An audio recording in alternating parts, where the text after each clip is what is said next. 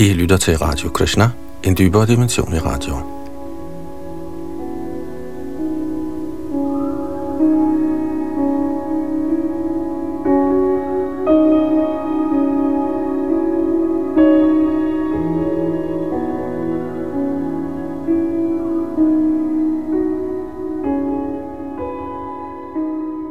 I hengivenhedens nektar er vi nået til kapitel 11, der hedder Aspekter af transcendental tjeneste. Sidste gang afsluttede vi kapitel 10, der handler om teknikker til at høre og huske. Denne her bog, Hengivenhedens Nektar, er Srila Prabhupads opsummering af Rup Goswamis Bhakti Samrita Sindhu, på engelsk The Nectar of Devotion og på dansk Hengivenhedens Nektar. Det er en uh, komplet videnskab omkring, hvordan man dyrker bhakti yoga, kærlig tjeneste til den højeste herre, Krishna. Og i denne time begynder vi, som sagt, fra kapitel 11, aspekter af transcendental tjeneste, og bag mikrofon og teknik sidder Yadunandan Das.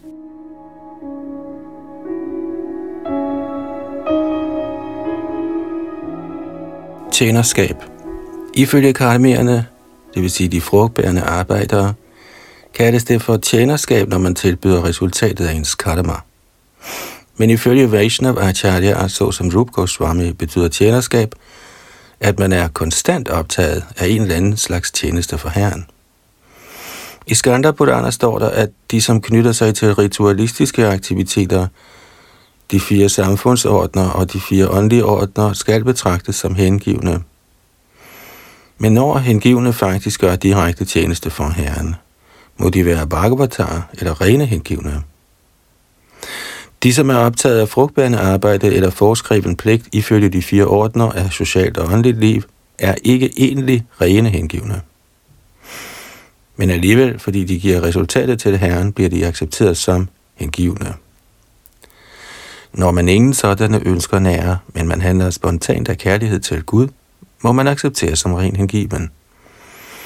De betingede sjæle, der er kommet i kontakt med den materielle verden, ønsker alle mere eller mindre at dominere den materielle natur. Systemet af Vardhanashram og de foreskrevne pligter under dette system er således tilrettelagt, at den betingede sjæl kan nyde i den materielle verden, alt efter sit ønske om sansenydelse, og på samme tid gradvist hæves til åndelig forståelse. Under disse foreskrevne pligter af Varna og Ashram er der mange aktiviteter, der hører ind under hengiven tjeneste i Krishna-bevidsthed. De hengivne, der er familieforsørgere, accepterer vediske ritualer såvel som den hengivne tjenestes foreskrevne pligter, da begge disse er beregnet på Krishnas glæde. Når hengivne i familielivet udfører et vedisk ritual, sker dette med henblik på Krishnas glæde. Som vi tidligere har været inde på, skal enhver aktivitet, der har til hensigt at glæde guddommens højeste person, anses for hengiven tjeneste.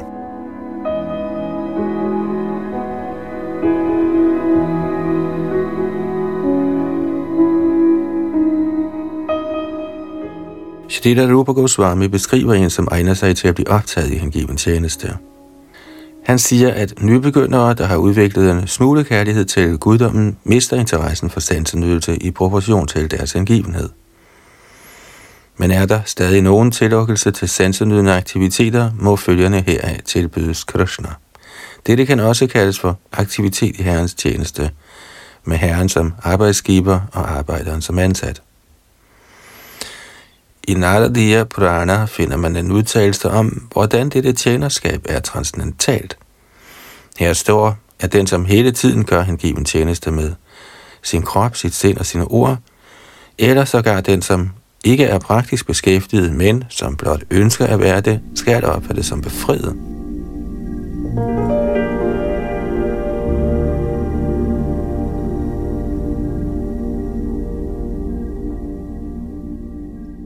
Hengiven tjeneste i venskab. Hengiven tjeneste i venskab kan inddeles i to kategorier. Den første er at handle som herrens fortrolige tjener, og den anden er at handle som herrens velønder. Den hengivne, som har tillid til herrens hengivne tjeneste, følger systematiske regler og forskrifter med den tro, at han vil nå til planet af det transcendentale liv.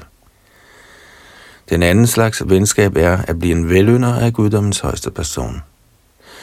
I Bhagavad Gita står der, at Herren opfatter en forkynder som sin kæreste tjener. Den, som forkynder Gitaens fortrolige budskab for den brede befolkning, er Krishna så kær, at ingen kan måle sig med ham i menneskesamfundet.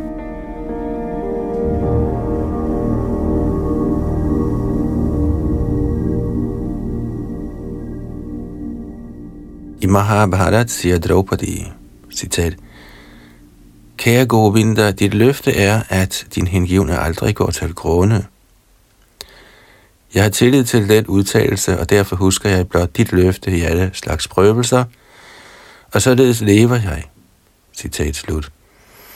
Betydningen er, at Draupadi og hendes fem ægtemænd, Pandavarne, blev udsat for store vanskeligheder af deres fætter Duryodhan, samt også af andre. Disse prøvelser var så hårde, at selv Bhishma, der både var livslang brahmachari og en stor kriger, under tiden ville fælde tårer ved tanken om dem. Han var altid overrasket over de retskaffende pandavarer og Draupadi, der praktisk talt var lykkegudindens selv, og som sågar havde Krishna som deres ven, alligevel måtte gennemgå sådanne alvorlige prøvelser. Selvom deres vanskeligheder ikke var almindelige, mistede Draupadi ikke modet. Hun vidste, at fordi Krishna var deres ven, ville de i sidste ende blive frelst.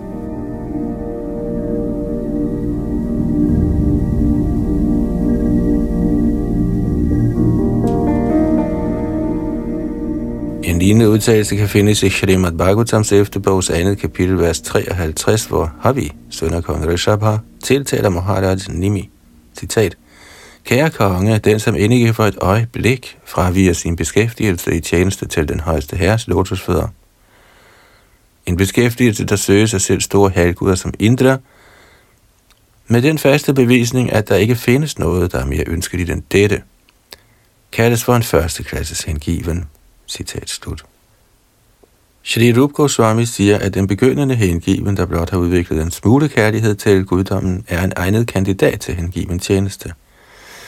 Når han bliver fast forankret i sådan hengiven tjeneste, bliver denne forsikrede status til en fortrolig del af hans hengivne tjeneste.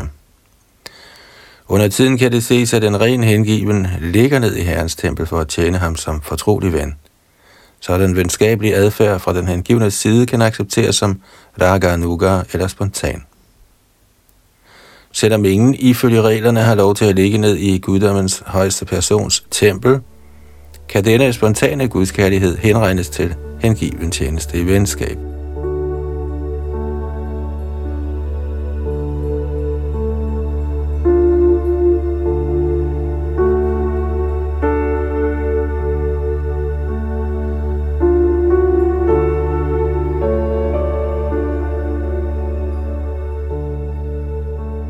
At overgive alting til Herren hvad angår komplet overgivelse af selvet, er der en fin beskrivelse i Shrimad Bhagavatams 11. bogs 29. kapitel, vers 34, hvor Herren siger, og jeg citerer, Den, som har overgivet sig helt til mig, og som har opgivet alle andre aktiviteter, har min personlige beskyttelse både i dette og næste liv.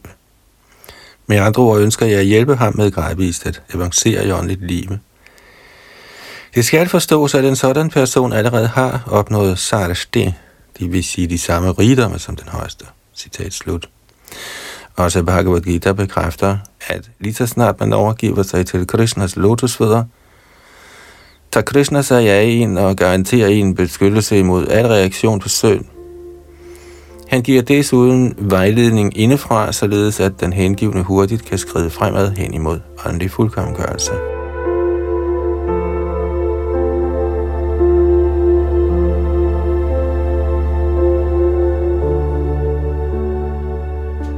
Denne overgivelse af selvet kaldes for Atma Nivedan. Ifølge forskellige autoriteter bliver selvet defineret på forskellige måder. Selvet henviser under tiden til det åndelige selv, eller til sjælen, og selvet henviser under tiden til sindet, eller kroppen. Fuld overgivelse af selvet betyder derfor ikke blot, at man overgiver sit åndelige selv, men også sit sind og læme til Herrens tjeneste. Shrita Bhaktivinoda Thakur har sunget en fin sang i den forbindelse. I det han melder sig som en komplet overgiven sjæl, siger han, citat, mit sind, mit hjem, min krop og alt, jeg måtte være i besiddelse af, kære herre, overgiver jeg til din tjeneste. Nu kan du gøre med dem, hvad du vil. Du er altings højeste ejer, så hvis du ønsker, kan du slå mig ihjel, eller hvis du ønsker, kan du beskytte mig. Al autoritet tilhører dig. Jeg kan ikke have ejendomsret over noget som helst. Citat slut.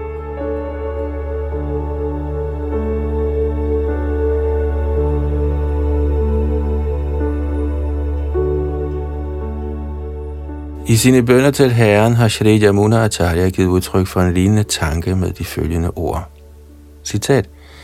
Kære Herre, jeg kan leve med en krop som menneske eller som halvgud, men uanset livsform er jeg tilfreds, at disse kroppe kun er frembringelser af den materielle naturs tre fremtrædelsesformer, og jeg, som ejer disse kroppe, overgiver mig til dig.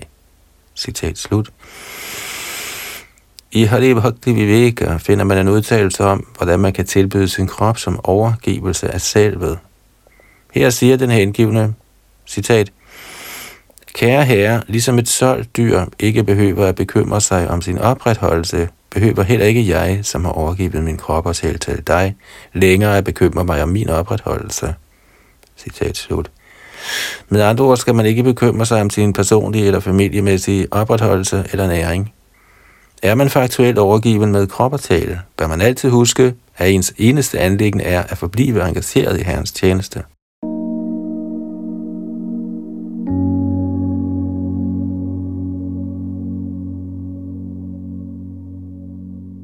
Shrita Rupa Goswami siger, at hengiven tjeneste i venskab og hengiven tjeneste i selvovergivelse er to vanskelige processer.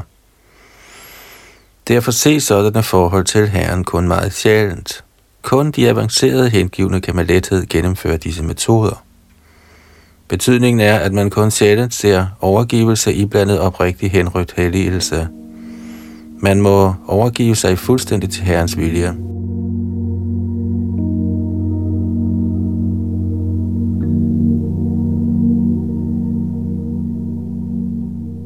At tilbyde en yndlingsgenstand – i Shrimad Bhagavatams 11. bogs 11. kapitel, vers 41, siger Herren Krishna til Udhav. Citat. Kære ven, hvis nogen forærer mig sin bedste ting, eller noget, han holder rigtig meget af, får han evig gavn heraf. Citat slut. At gøre enhver bestræbelse for Krishna. I Narad Pancharatra er der en udtalelse om, hvordan man i alle livets sfære kan handle til Herrens glæde. Her står, at den, som faktisk befinder sig i hengiven tjeneste, må gøre alle slags aktiviteter, de, som foreskrives i de åbenbare skrifter, samt også de, som accepteres som levevej. Med andre ord skal den hengivne ikke blot passe den hengivne tjenestes pligter, som nævnes i de åbenbare skrifter, men han må også passe de pligter, der knytter sig til hans praktiske liv, på en kristnerbevidst måde. For eksempel kan en hengiven, der ejer en industri eller en fabrik, give resultatet af sådanne materielle besiddelser til Herrens tjeneste.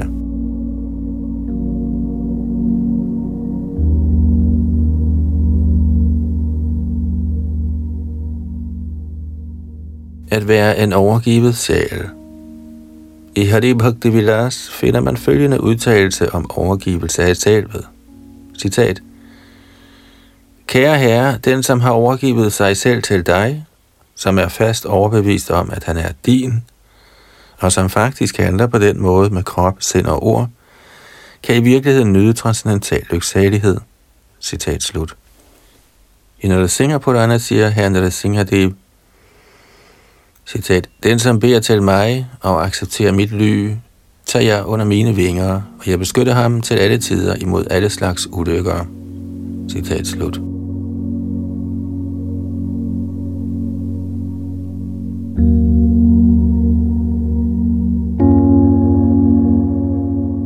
At tjene træer såsom Tulsi. I Skanda Purana finder man følgende lovprisning af Tulsi-træet. Citat. Lad mig vise min erbødige hyldest for Tulsi-træet, der øjeblikkeligt kan ophæve mængder af syndige aktiviteter. Ved blot at se eller berøre dette træ, kan man lettes for al elendighed og sygdom. Ved blot at vise erbødig hyldest, og hælde vand på tulsitræet, kan man befries for frygten for at skulle sendes til Yamarajas retssal. Yamaraja altså, kongen over døden, der straffer de syndige. Hvis nogen planter et tulsitræ et eller andet sted, bliver vedkommende helt sikkert Herren Krishna hengiven. Og når tulsi-bladene bliver tilbudt i helligelse til Krishnas lotusfødder, vikler gudskærligheden sig fuldt ud. Citat slut.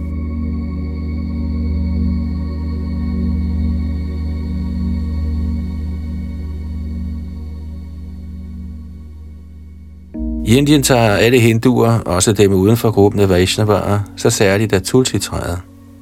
Sågar i store byerne, hvor det ikke er let at holde et tulsi-træ, ses folk tage sig om hyggeligt af denne plante. De vander den og viser den erbødighed, fordi tilbedelse af tulsi-træet er en uhyre vigtig ting inden for hengiven tjeneste. I Skanda Purana finder man en anden udtalelse om Tulsi, der lyder, og jeg citerer, Tulsi er på enhver måde lykkebringende. Blot at se, berøre, huske, bede til, bøje sig ned for, høre om eller plante dette træ, bringer altid lykke. En hver, som kommer i kontakt med tulsitræet på de ovennævnte måder, lever for evigt i Vaikunthas verden. Citat slut. Og det var slut på kapitel 11, aspekter af transcendental tjeneste.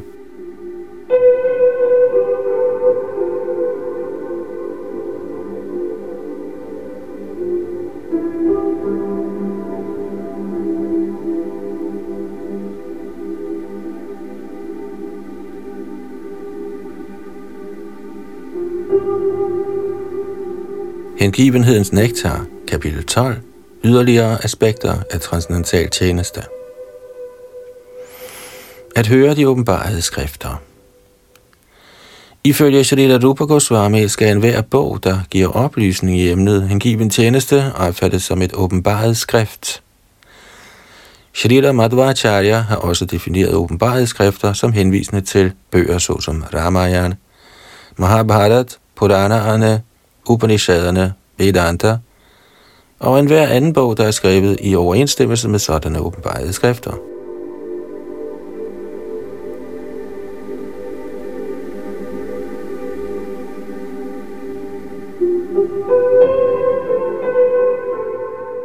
I Skanda Purana finder man følgende udtalelse.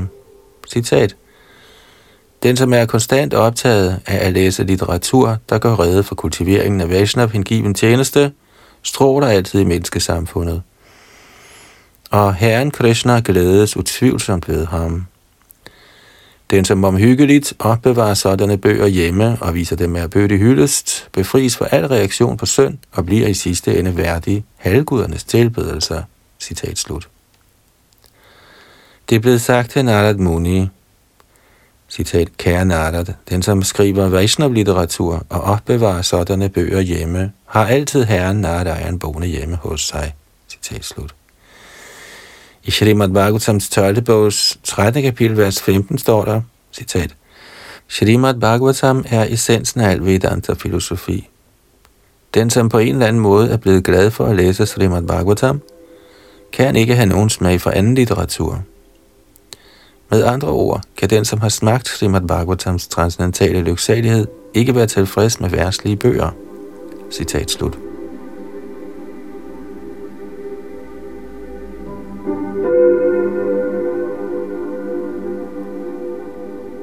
At bo i Mathura I Varaha Purana er der en udtalelse, der lovpriser det at bo i Mathura.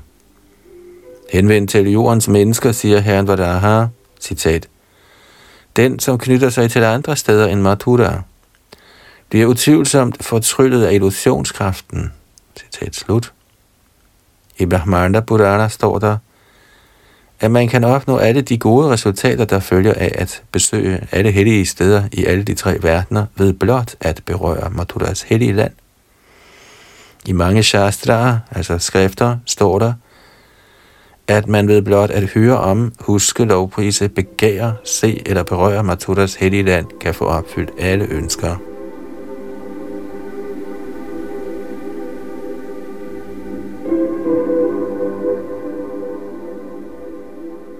At gøre tjeneste for hengivne. I Padma Purana finder man en fin udtalelse, der priser tjeneste til Vaishnavarerne eller de hengivne. I dette skrift siger herren Shiva til Parvati, citat, Kære Parvati, der findes forskellige tilbedelsesmetoder, hvoraf tilbedelse af den højeste person anses for den bedste, men endnu bedre end tilbedelsen af Herren er tilbedelsen af Herrens angivende. Citat slut. En lignende udtalelse står at finde i Bhagavats 3. bog 7. kapitel, vers 19, og jeg citerer, Lad mig blive de hengivne så oprigtige tjenere, da man ved tjeneste til dem, kan opnå ublandet hengiven tjeneste til Herrens lotusfødder. Tjeneste til de hengivne dæmper alle elendige materielle betingelser og fremkalder en dyb hengiven kærlighed til guddommens højeste person. Citat slut.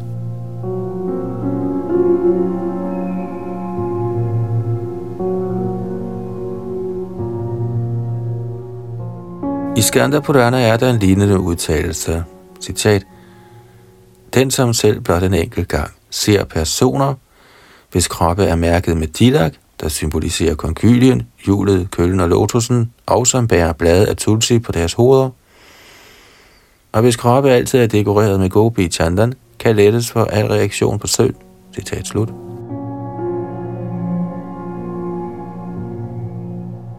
En lignende udtalelse findes i Bhagavats første bogs 19. kapitel, vers 33. Citat. Man befries utvivlsomt for alle reaktioner på syndige aktiviteter, hvis man har aflagt besøg hos en hengiven, eller har berørt hans lotusfødder, eller har tilbudt ham en sideplads. Selv den blotte i hukommelse af en sådan Vaishnav renser en, til lige med hele ens familie. Så hvad kan der ikke siges om at gøre direkte tjeneste for ham? Citat slut. I Adi Purana siger Herren Krishna selv til Arjuna, citat, Kære parter, den som siger, han er min hengivne, er egentlig ikke det. Kun den, som hævder at være min hengivnes hengivne, er i virkeligheden min hengivne. Citat slut. Man kan ikke nærme sig guddommens højeste person direkte. Man må nærme sig ham gennem hans rene hengivne. I systemet af Vaishnava-aktiviteter er den første pligt derfor at acceptere en hengiven åndelig mester og så tjene ham. Shri Rup Goswami bekræfter, at alle de citater, der er givet i Bhakti Samrita Sindhu fra forskellige skrifter, er blevet accepteret af de store acharyaer og hengivne af Herren.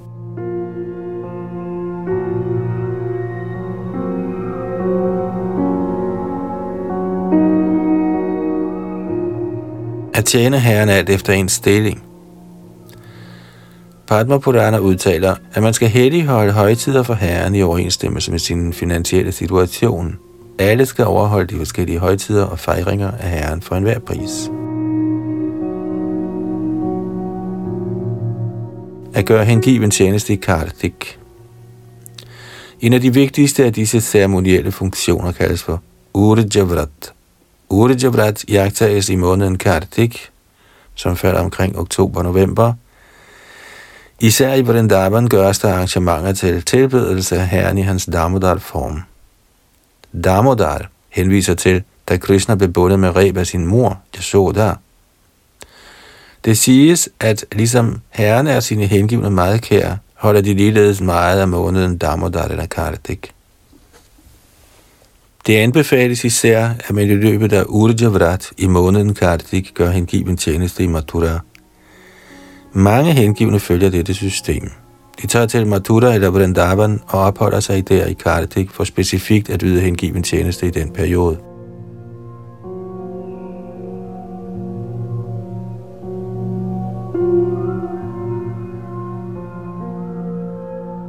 I Padma Purana står der, og jeg citerer, Herren kan tilbyde den hengivne udfrielse eller materiel lykke, men efter at der er blevet udført hengiven tjeneste, navnlig Mathura i løbet af måneden Kardik, ønsker de hengivne kun at opnå ren hengiven tjeneste til Herren.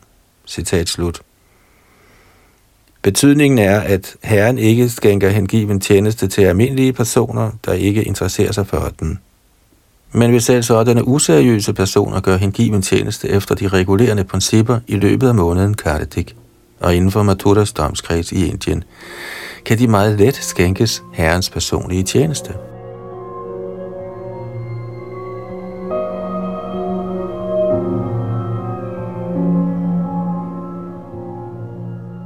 At overvære festivaler til fejring af Herrens aktiviteter – i Bhavishya Purana finder man en udtalelse om at jagtage forskellige ceremonier til fejring af Herrens fremkomst, det vil sige hans fødselsdag, og andre transcendentale aktiviteter.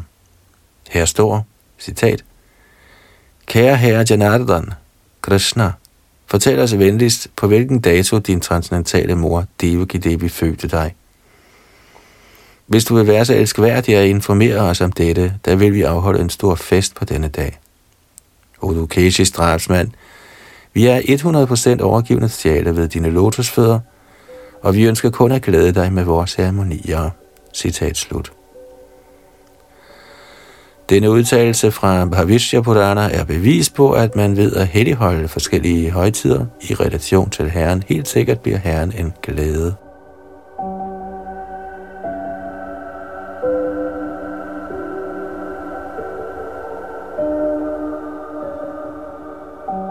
At tjene gudskikkelsen med stor helligelse.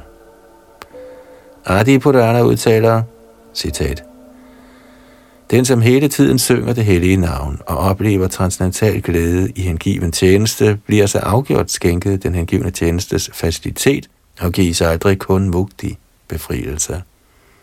Citat slut. Mugti betyder befrielse fra materiel besmittelse. Når man er befriet, behøver man ikke igen at fødes i den materielle verden.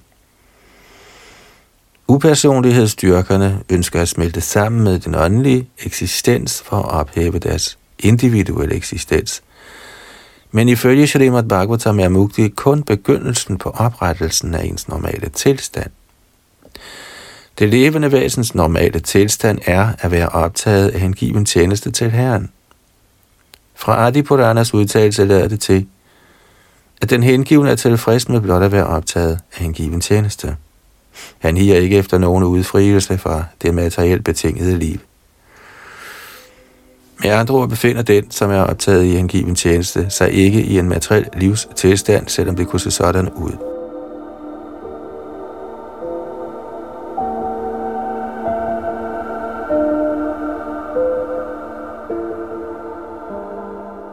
Recitation af Srimad Bhagavatam blandt hengivne. Shrimad Bhagavatam er den vediske visdoms ønsketræ. Selve ordet vede betyder den samlede beholdning af viden. Og hvad end viden menneskesamfundet har brug for, bliver på perfekt vis præsenteret i Shrimad Bhagavatam. Der er forskellige grene af de vediske værker, herunder sociologi, politik, medicin og militær kunst. Alle disse og andre kundskabsgrene bliver til fulde beskrevet i vedderne og for så vidt angår åndelig viden, bliver også den til fulde beskrevet der, og Srimad Bhagavatam regnes for den modne frugt på vedernes ønsketræ. Et træ æres ved frembringelsen af dets frugter. For eksempel anses mangotræet for meget værdifuldt, fordi det frembringer kongen over alt frugt, mangoen. Når mangoen modnes, er den træets største gave, og Srimad Bhagavatam bliver ligeledes opfattet som det vediske træs modne frugt. Og ligesom en moden frugt bliver end mere velsmagende, hvis den bliver berørt af næbet på en papegøje eller shuk, er Srimad Bhagavatam blevet end mere velsmagende ved at være blevet gengivet gennem Shukadev Goswamis transcendentale mund.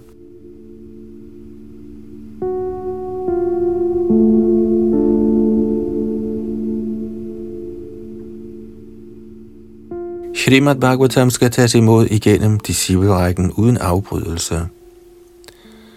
Når en moden frugt bliver bragt ned til jorden fra den øvre del af et træ, sørger personerne i træet for, at den ikke knuses på vej ned fra højere til lavere grene. Og når Srimad Bhagavatam tages imod i systemet af Parampara eller disciplerækken, forbliver den ligeledes ubrudt. Bhagavad Gita udtaler, at disciplerækken eller parampara er måden, hvorpå man tager imod transcendental viden. Sådan viden må komme ned gennem disciplerækken, gennem autoriserede personer, der kender Shastras virkelige formål. Sri Chaitanya Mahaprabhu anbefalede, at man lærer Srimad Bhagavatam fra målen af den selvrealiserede person, der kaldes for Bhagavatam. Bhagavat betyder i relation til Guddoms højeste person, Bhagavan. Således kaldes den hengivne under tiden for Bhagavatam, og den bog, der relaterer til hengiven tjeneste til guddommens højeste person, kaldes også for Bhagavatam. Sri Chaitanya Mahaprabhu anbefalede, at man for at kunne nyde Srimad Bhagavatams virkelige smag, må lade sig undervise af personen Bhagavatam. Srimad Bhagavatam nydes af selv befriede personer. Shukadev Goswami indrømmede, at selvom han var befriet allerede i sin mors liv, var det kun efter at have smagt Srimad Bhagavatam, at han endte som storslået hengiven. Så den, som gerne vil skride fremad i Krishna bevidsthed, må nyde Srimad Bhagavatams betydning gennem autoriserede hengivnes diskussioner.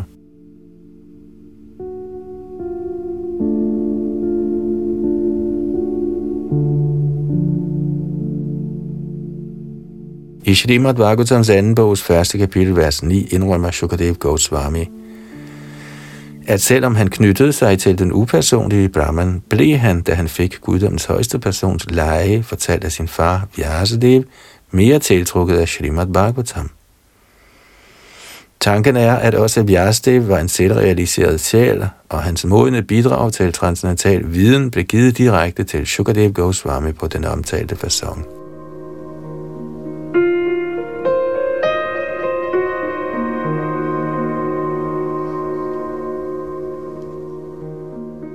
At pleje omgang med avancerede hengivne. Vigtigheden af at drøfte Srimad Bhagavatam i de rene hengivne samfund blev forklaret af Shonak Muni under mødet i Naimisharanya i tilstedeværelse af Sutta Goswami.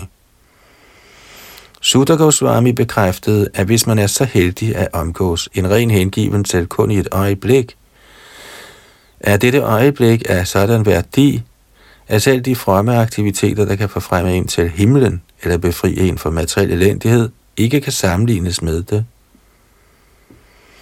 Med andre ord er de, som holder af Srimad Bhagavatam, ligeglade med nogen af de materielle fordele, der kommer af hævelse til højere planetære kongeriger, eller med den udfrielse upersonlighedsforfægterne forestiller sig. Som sådan er omgang med rene hengivne så transcendentalt værdifuld, at ingen slags materiel lykke kan måle sig med den.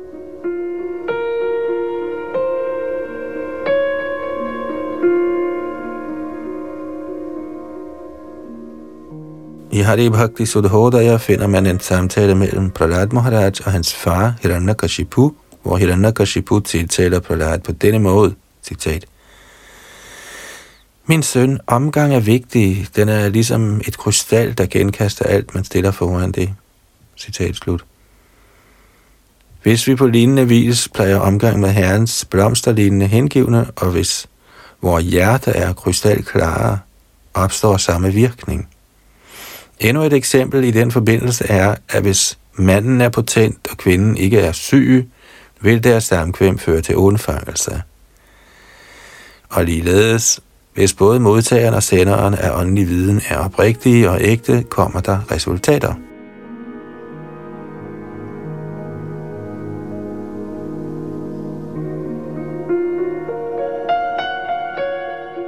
At synge Herrens hellige navn.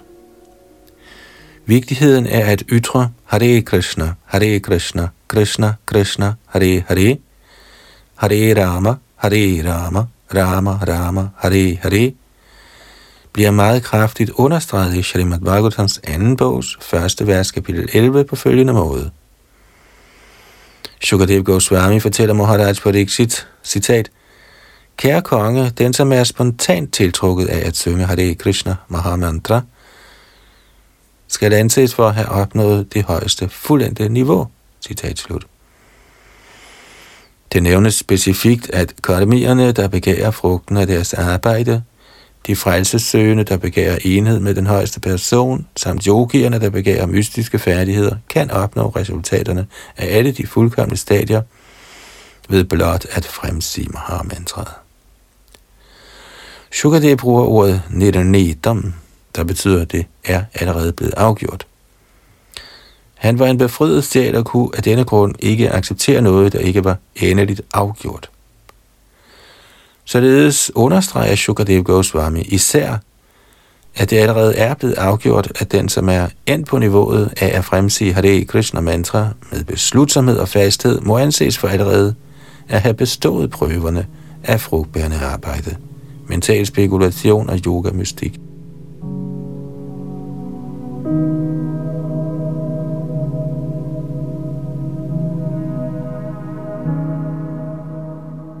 Krishna bekræfter samme ting i Adi Purana.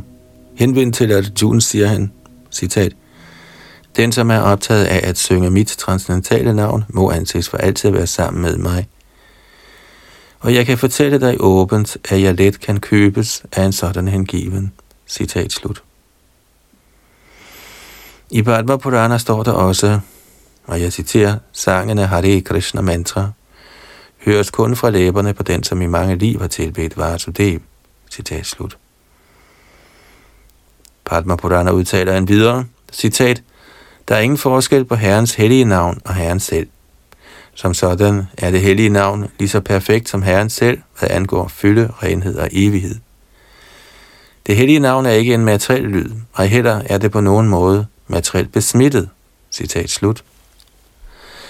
Derfor kan det hellige navn ikke synges uden forseelser af den, som er mislykkedes med at rense sine sanser. Med andre ord kan materialistiske personer ikke på behørig vis fremsige Hare Krishna Mahamantrats hellige navne. Men ved at tage metoden af recitation til sig, gives man chancen for at rense sig selv, således at man snart kan fremsige mantraet uden forseelser.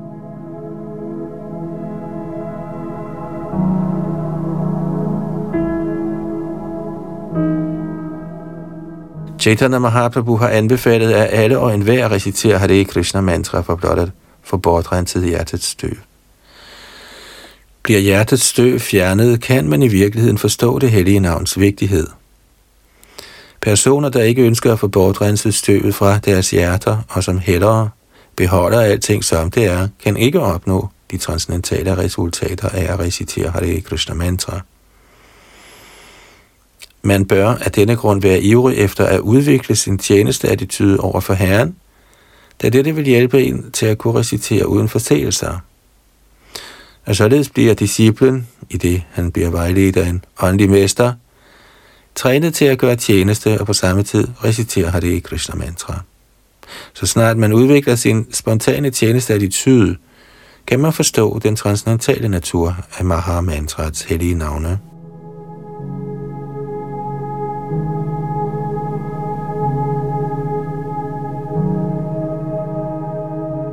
At bo i Mathura I Padma Purana findes en udtalelse om vigtigheden af at leve på hellige steder, såsom Mathura eller Dvarka. Her står, citat, At rejse til hellige pilgrimsteder vil sige at opnå udfrielse for materiel trældom. Denne udfrielse er dog ikke det højeste niveau af perfektion. Når man er nået til dette befriede niveau, må man lade sig engagere i hellige tjeneste til Herren. Efter at være nået til niveauet af Brahmabhut, kan man skride videre fremad til engagement i hengiven tjeneste. Således er denne opnåelse af transcendental kærlig tjeneste til Herren livets mål, der let kan nås af den, som lever i Madhura Mandal selv blot i nogle få sekunder. Citat slut.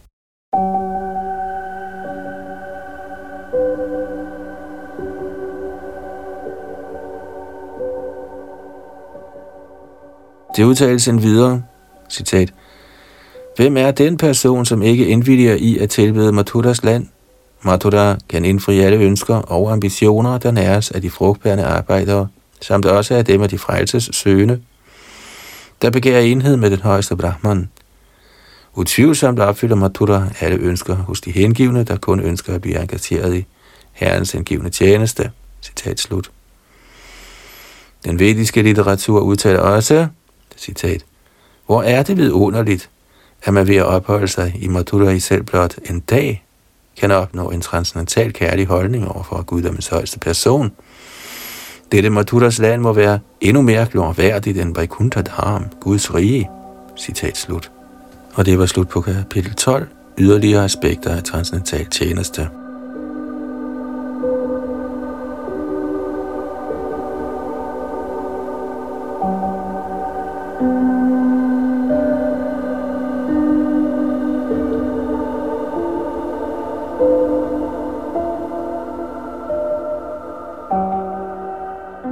Hengivenhedens nektar, kapitel 13. Fem kraftfulde former for hengiven tjeneste.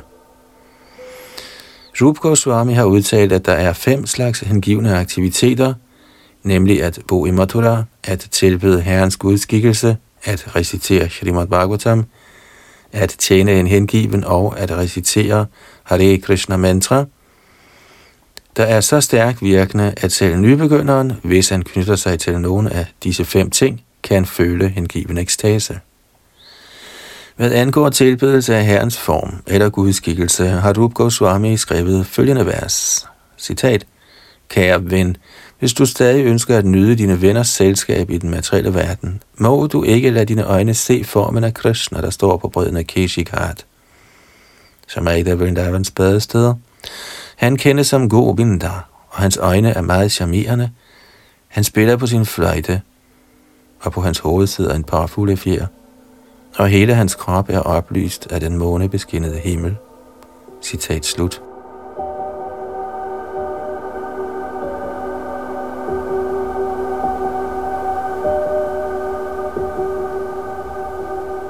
Betydningen af dette vers er, at hvis nogen knytter sig til Shri Murti, eller gudeskikkelsen af Krishna, ved at tilbede hjemme, glemmer han sine forhold af såkaldt venskab, kærlighed og samfund.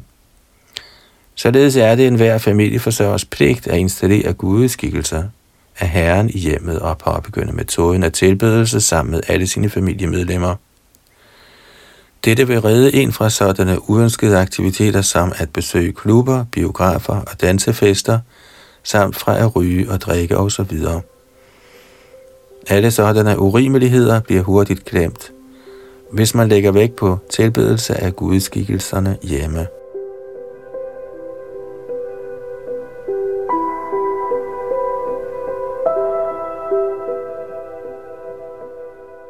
Rup Goswami skriver videre, citat, Min kære tåbelige ven, jeg tænker, du allerede har hørt noget af den lykkebringende Srimad Bhagavatam, der fordømmer forfølgelsen af frugtbærende resultater, økonomisk udvikling og frelse. Jeg tror, det nu er helt sikkert, at versene fra Srimad Bhagavatams 10. bog, der beskriver Herrens leje, gradvist trænger ind i dine ører og kommer ind i dit hjerte. Citat slut. I begyndelsen af Srimad Bhagavatam står der, at medmindre man har evnen til at forkaste, ligesom man gør med affald, de frugtbærende resultater af ritualer, økonomisk udvikling og enhed med den højeste, eller frelse, kan man ikke forstå Srimad Bhagavatam. Bhagavatam har udelukkende at gøre med hengiven tjeneste. Kun den, som studerer Srimad Bhagavatam i ånden af forsagelse, kan forstå Herrens leje, der beskrives i 10. bog. Med andre ord skal man ikke forsøge at forstå emnet i 10. bog, såsom Ras Lila, kærlighedsdansen, medmindre man er en spontan tiltrækning til Srimad Bhagavatam. Man må befinde sig i ren hengiven tjeneste, før man kan nyde Srimad Bhagavatam, som den er –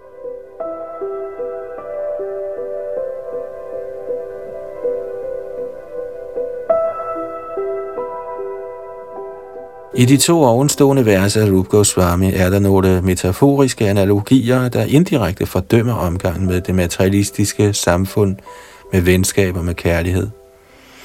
Folk lokkes i reglen af samfund, venskab og kærlighed, og de laver gevaldige ordninger og gør sig store anstrengelser for at udvikle disse materielle forureninger. Men at se Shri Murtierne af Radha og Krishna er at glemme sådanne bestræbelser på materielt samvær. Rup Goswami forfattede sit vers på en sådan måde, at han til synlædende roste det materielle samvær med venner og kærlighed, og fordømte audiensen med Shri Murti eller Govinda. Denne metaforiske analogi er opbygget således, at ting, der til synlædende bliver lovprist, bliver fordømt, og ting, der til synlædende fordømmes, bliver lovprist. Den egentlige betydning af verset er, at man absolut må se formerne gode Govinda hvis man overhovedet ønsker at glemme meningsløshederne i form af materielt venskab, kærlighed og samfund.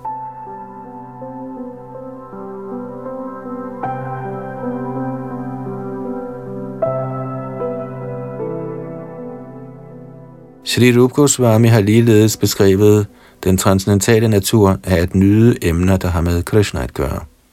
En hengiven sagde engang, citat, det er meget overraskende, at siden jeg har set denne guddommelige person, der bliver vasket af mine øjnes tårer, er mit læme begyndt at skælve, og han får mig til at svigte mine materielle pligter.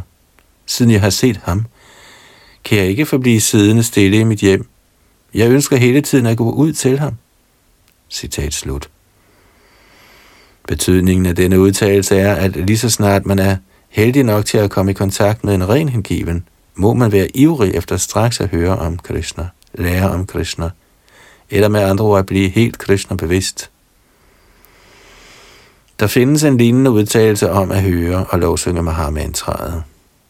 Og jeg citerer. Man siger, helgene har kunne høre klangen af vineren i hænderne på Nala, der altid synger Herren Krishnas pris. Nu trænger den samme lyd ind i mine ører, og jeg føler hele tiden guddoms højeste persons tilstedeværelse. Jeg mister gradvist al lyst til materielle glæder. Citat slut.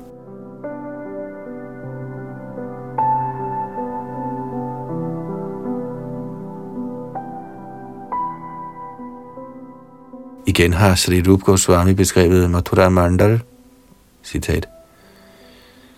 Jeg husker herren stående på bredden af floden Jamuna, så usigeligt smuk blandt kadambatræerne, hvor en mangfoldighed af fugle kvidrer i haverne. Og disse indtryk giver mig hele tiden transcendentale erkendelser af skønhed og lyksalighed. Citat slut. Denne oplevelse af Mathura Mandal og Brindavan, som Rup Goswami beskriver, kan i virkeligheden føles af selv ikke hengivne. Stederne i Mathuras egen på 135 kvadratkilometer er så smukt beliggende på bredderne af floden Yamuna, at den, som besøger dem, aldrig ønsker at vende tilbage til den materielle verden.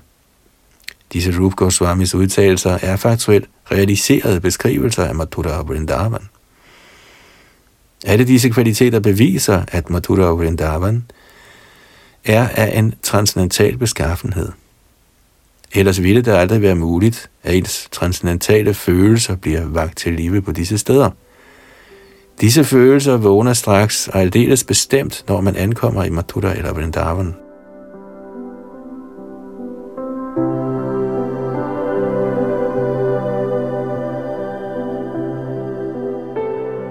I disse udtalelser om hengiven tjeneste kan det under tiden se ud som om beskrivelserne af resultaterne er overdrevne. Men i virkeligheden er det ikke tilfældet. Nogle hengivne har, ligesom de åbenbarede skrifter vidner om, oplevet umiddelbare resultater af sådan omgang. Selvom det ikke er muligt for alle. For eksempel blev kumadaerne straks til hengivne ved den blotte duft af røgelse i templet, Bilva Mangal Thakur hørte blot om Krishna og forlod straks sin smukke veninde og begav sig på vej til Mathura og Vrindavan, hvor han blev til en fuldkommen Vaishnav. Således er disse udtalelser hverken overvurderinger eller blot historier. De er faktiske kendskærninger, men de er sande for særlige hengivne og gælder ikke nødvendigvis for alle. Disse beskrivelser må, selvom de kan virke overdrevne, tages for pålydende – for at vi kan aflede vores opmærksomhed fra den flygtige materielle skønhed og til Krishna-bevidsthedens evige skønhed. Og for den, som allerede er i forbindelse med Krishna-bevidsthed, er de beskrevne resultater ikke usædvanlige.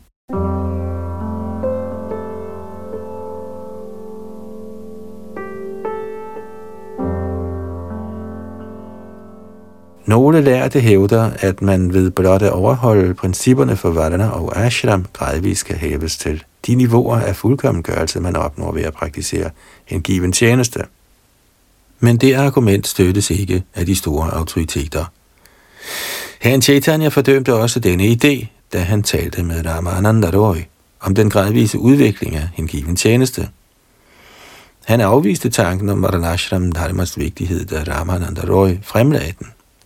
Han sagde, fremskridtene i Varana og Ashram kun er en ydre ting. Der findes et højere princip. Også i Bhagavad Gita siger Herren, at man må opgive et hvert andet hævelsesprincip og blot antage metoden af Krishna-bevidsthed. Det vil hjælpe en med at nå livets højeste fuldendelse. I Shrimad Bhagavatams 11. bogs 20. kapitel, vers 9, siger Herren selv, og jeg citerer, man må gøre sin foreskrevne pligt inden for Vardana og Ashram, så længe man ikke har udviklet en spontan tiltrækning til at høre om mine lege og aktiviteter. Citat slut. De foreskrevne former for Vardana og Ashram er med andre ord rituelle ceremonier tiltænkt økonomisk udvikling, sansenydelse eller frelse. Alle disse ting anbefales for personer, der ikke har udviklet Krishna-bevidsthed. I virkeligheden anbefales alle sådanne aktiviteter i de åbenbare skrifter udelukkende for at få bragt en til punktet af Krishna-bevidsthed. Men den, som allerede har udviklet spontan hengivenhed for Krishna, har ikke nødig at gøre de pligter, skrifterne pålægger. Og det var slut på kapitel 13, 5 kraftfulde former for hengiven tjeneste.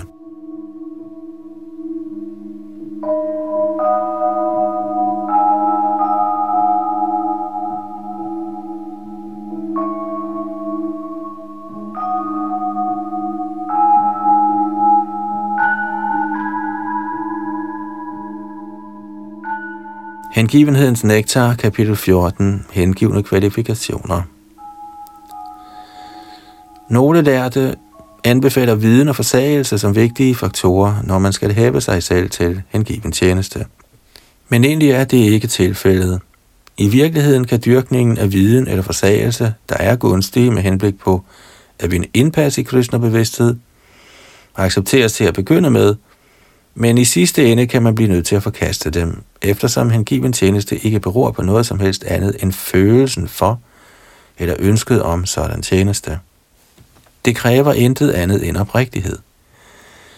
Det er sagkyndige hengivnes mening, at mental spekulation og yogaøvelsernes kunstige askese nok kan hjælpe en med at blive fri fra materiel besmittelse, men de gør også hjertet hårdere og hårdere. De er ikke til nogen hjælp, når det gælder fremskridt i hengiven tjeneste. Disse metoder er således ikke gunstige for ens adgang til Herrens transcendentale kærlige tjeneste. I virkeligheden er Krishna-bevidsthed eller hengiven tjeneste i sig selv den eneste måde, hvorpå man kan avancere i det hengivne liv. Hengiven tjeneste er absolut. Den er både årsag og virkning. Guddommens højeste person er altings årsag og virkning – og for at man kan nærme sig ham, den absolute, må den hengivende tjenestes proces, der også er absolut, tages i brug.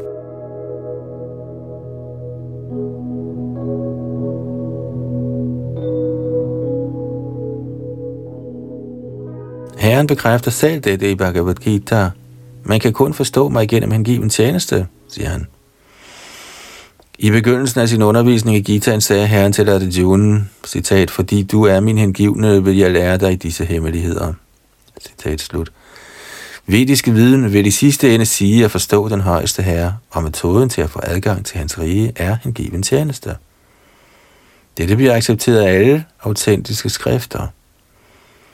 Mentale grubler afviser den hengivne tjenestes metode, og fordi de kun forsøger at overvinde andre i deres filosofiske forskning, mislykkes de med at udvikle hengivenhedens henrykkelse.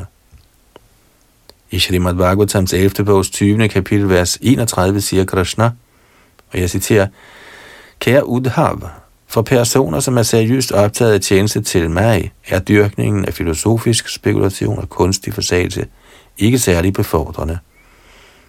Når nogen bliver til min hengivne, opnår han automatisk frugten af forsagelse af materielle glæder – og han får tilstrækkelig viden til at forstå den absolute sandhed. Citat slut. Det er testen på fremskridt i hengiven tjeneste. Den hengivne kan ikke befinde sig i mørke, fordi Herren viser ham særlig gunst og oplyser ham indefra.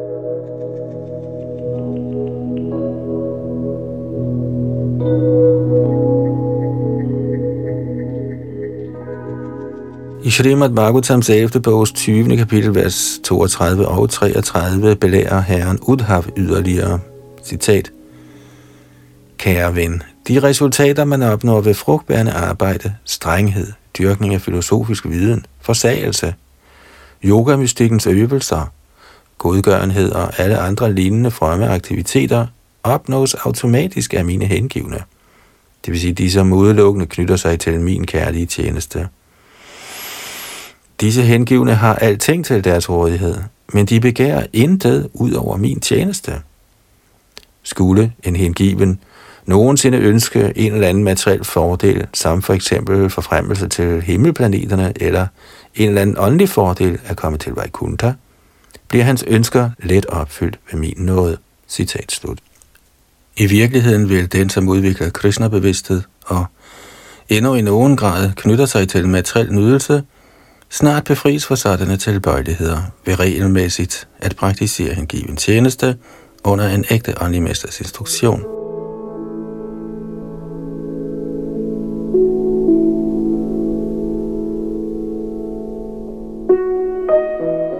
Srila Rupa Goswami anbefaler så, at man ikke skal knytte sig til materiel sansenydelse, men at man skal acceptere alt behageligt i relation til Krishna. For eksempel er det nødvendigt at spise, og man ønsker noget velsmagende mad for at tilfredsstille sin smagssans. Så i dette tilfælde skal man til glæde for Krishna snarere end til glæde for tungen, lave noget god mad og servere den for Krishna. Da er det forsagelse. Lad endelig de gode retter blive tilberedt. Men hvis ikke de bliver tilbudt Krishna, skal man ikke selv spise dem. Dette løfte om at afvise alt, som ikke er blevet tilbudt Krishna, er egentlig forsagelse. Og ved sådan forsagelse kan man tilfredsstille sansernes krav.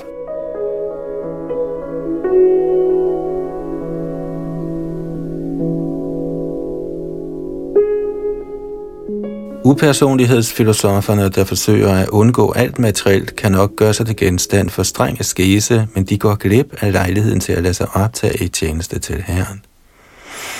Således er deres askese ikke tilstrækkelig til fuldkommengørelse. Der er mange eksempler på upersonlighedsfortalere, der har dyrket sådan kunstig fortalelse uden forbindelse med hengiven tjeneste, og som igen er faldet ned og har lavet sig lokke af materiel besmittelse. Selv nu om dagen er der mange formodede forsagende, der på kunstig vis bliver til sanyasier eller forsagende, og som udvendigt hævder, at den åndelige tilværelse er sandhed, og den materielle tilværelse er usandhed. På den måde gør de et stort nummer af at forsage den materielle verden.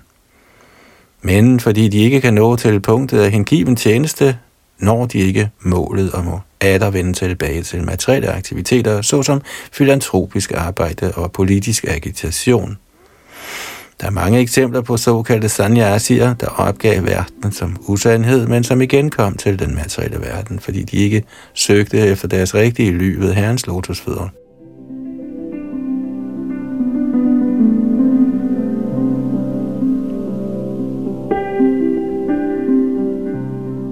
Man skal ikke opgive noget, der kan bruges i Herrens tjeneste. Dette er en af den hengivne tjenestes hemmeligheder.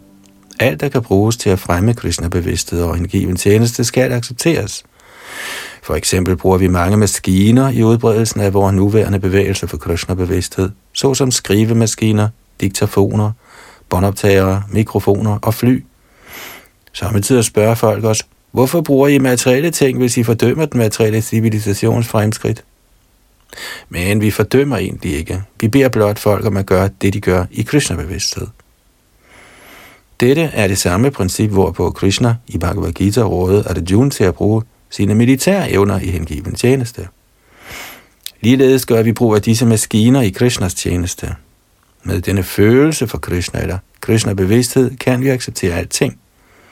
Så fremt skrivemaskinen kan bruges til at udbrede vores bevægelse for Krishna-bevidsthed, må vi acceptere den – Ligeledes må diktafonen eller enhver anden maskine bruges. Vor opfattelse er den, at Krishna er alting. Krishna er årsagen og virkningen, og intet tilhører os. Krishna ting må bruges i Krishnas tjeneste. Det er sådan, vi ser det.